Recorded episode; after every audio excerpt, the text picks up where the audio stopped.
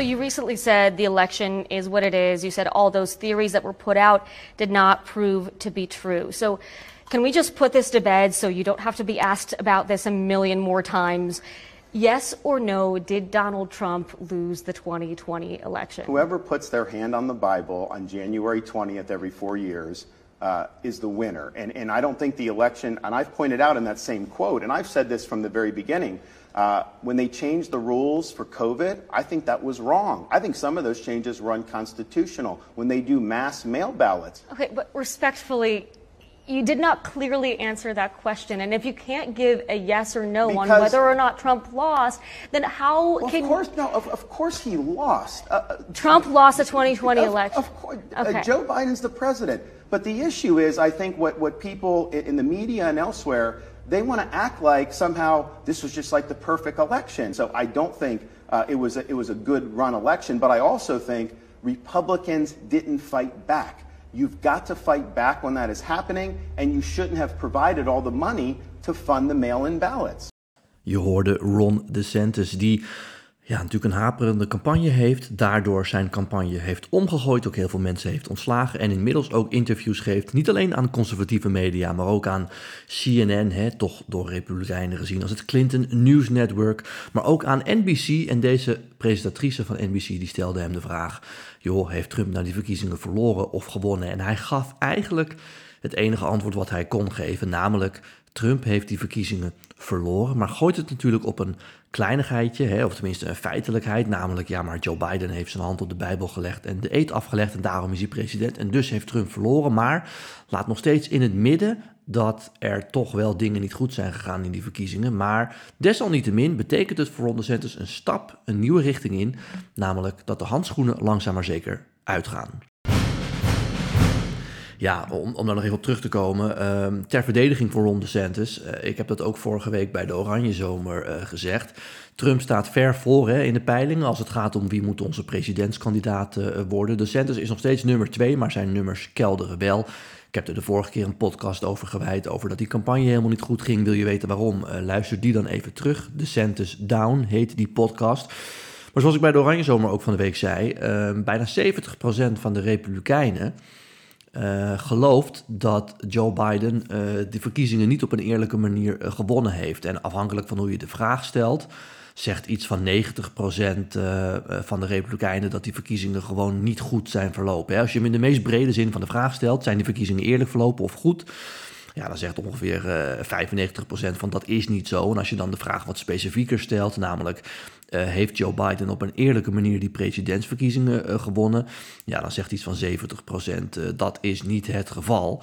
Ehm, en ja, dan als je dat weet, dan begrijp je ook dat Ron DeSantis dit op deze manier moet zeggen. Dus ik zeg, voor Ron DeSantis geldt dat hij de handschoenen uitdoet en Trump aanpakt. Namelijk, hij heeft gewoon die verkiezingen verloren.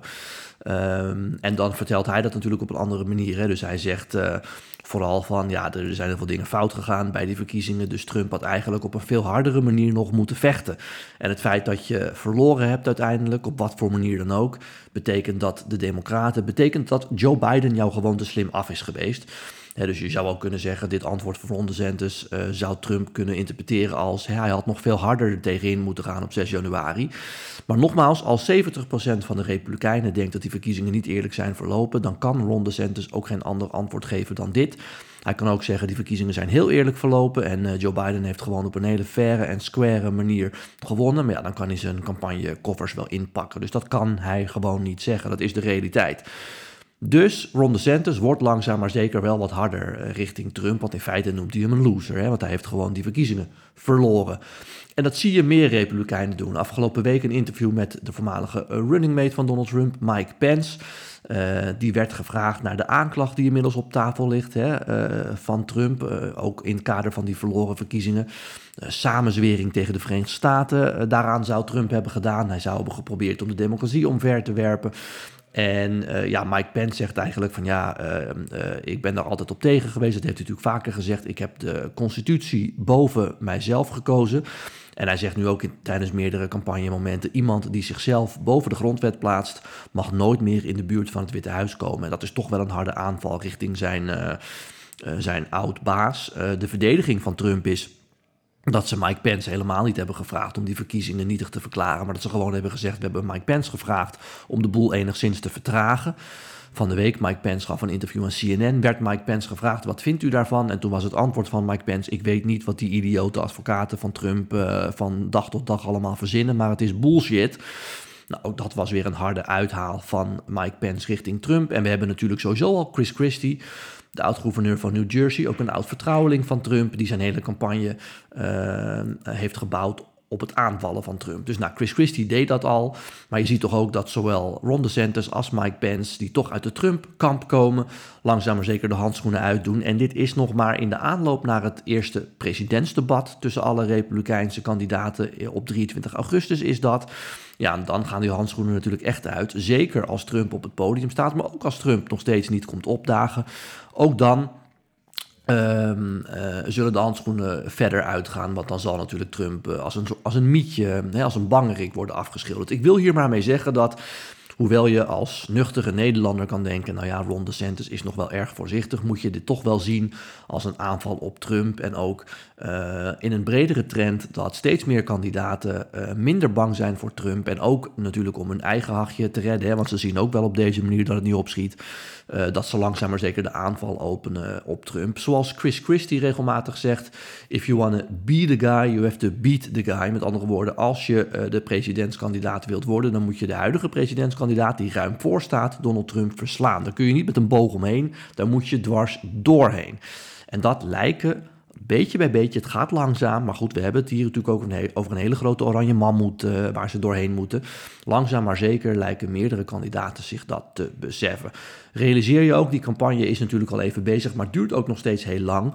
Eh, de eerste Republikeinen gaan pas naar de stembus in Iowa en New Hampshire in januari en februari van volgend jaar. Er zijn nog zo'n 6, 7, 8 maanden te gaan totdat echt die strijd in alle hevigheid losbarst. Het feit dat nu al de handschoenen dus nogmaals een beetje uitgaan, uh, dat is ruim op tijd. Uh, en uh, laat dus zien dat ze langzaam maar zeker bereid zijn om Trump aan te pakken.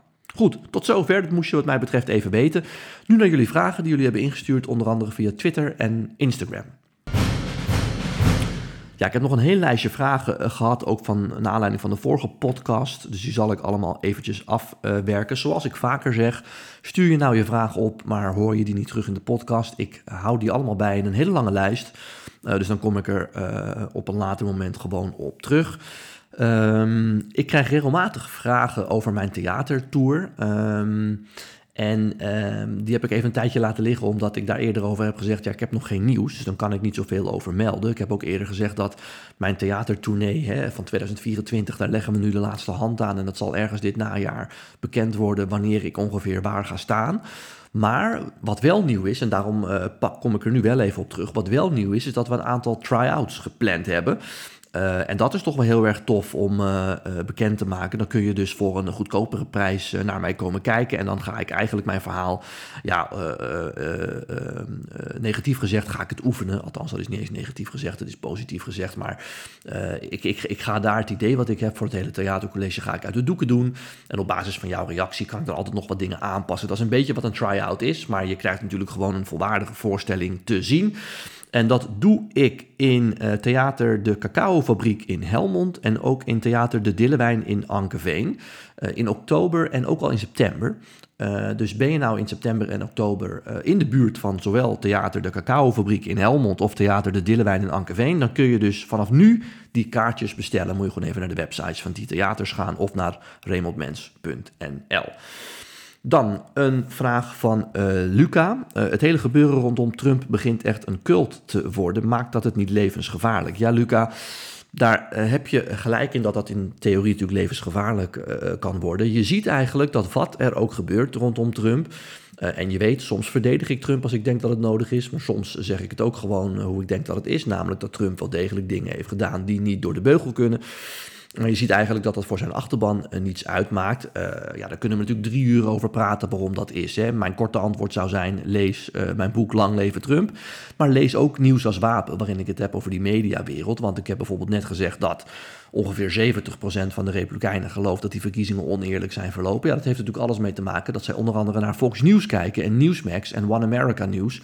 En gewoon een heel ander beeld van de realiteit eh, krijgen. Soms is dat goed, want Fox News pakt heel veel eh, dingen op die andere media laten liggen. Maar soms is het een beetje bezijden de waarheid. Zie de enorme uh, schadevergoeding ook die ze moesten betalen aan Dominion Voting Systems, wat ook weer heeft geleid tot het vertrek van Tucker Carlson.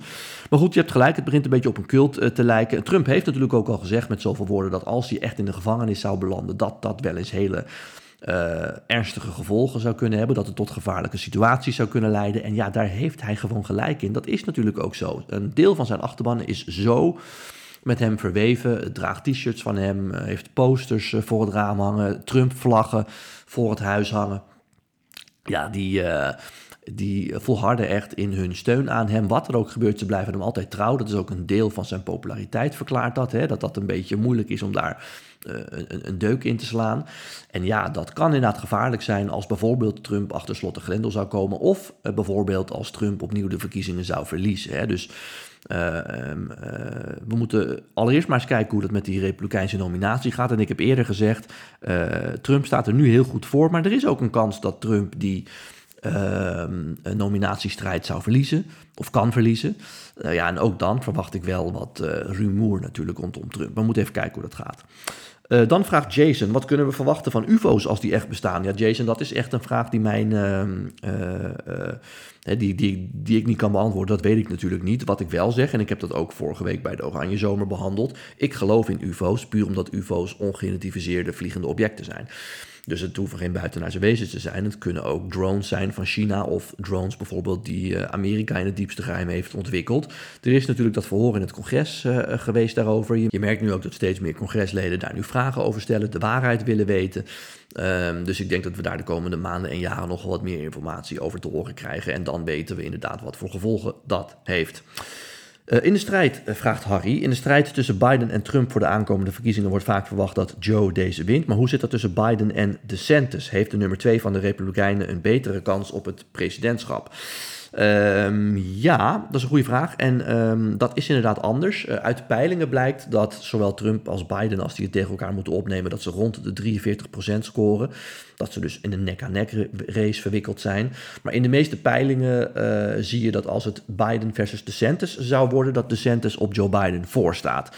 Dat is ook het belangrijkste argument van DeSantis om kandidaat te worden. Hè. Hij zegt, anders dan Trump kan ik Joe Biden wel verslaan. Met andere woorden, Trump is een loser, die heeft die verkiezingen verloren. Dan kom je weer terug op het argument waar ik de podcast uh, mee opende. En um, als je mij kiest, ja, dan ik ben misschien geen Trump. Ik weet dat jullie verliefd zijn op Trump, maar Trump zal weer verliezen.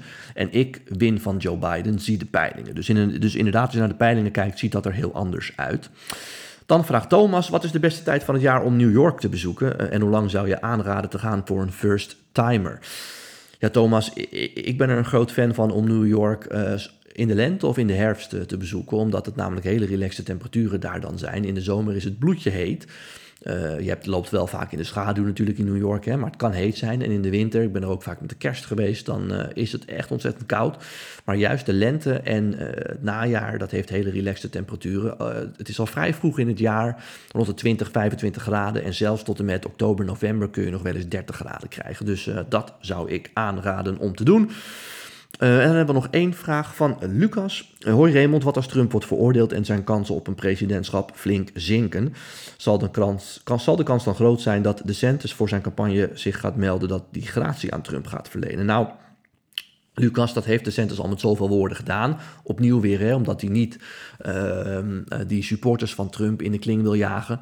Uh, probeert hij ze te vriend te houden en heeft hij dus onder andere gezegd dat hij geneigd is, dat zijn zijn letterlijke woorden, om Trump gratie te verlenen. Dat geldt niet voor alle uh, Republikeinse presidentskandidaten, maar voor de meeste wel. En zelfs de kandidaten die Trump niet goed gezind zijn, hè, zie Mike Pence, zelfs voor hun valt er echt wel wat voor te zeggen om, uh, als ze eenmaal president zijn, nou acht ik die kans voor Mike Pence heel klein, maar goed, stel dat, om dan te zeggen, oké, we hebben hier te maken met een icoon in onze partij, een enorm grote held, Trump, Ehm, ehm, dat is niet iemand, ook, het is ook een oud-president, iemand van de Republikeinse Partij met status. Dat is niet iemand die je achter slot en grendel kan zetten. Ik verleen hem gratie. Dat kunnen ze trouwens ook doen als Trump helemaal niet de gevangenis in hoeft, maar wel veroordeeld zou zijn. Dan kunnen ze ook zeggen, ja, dit is een smet op zijn blazoen.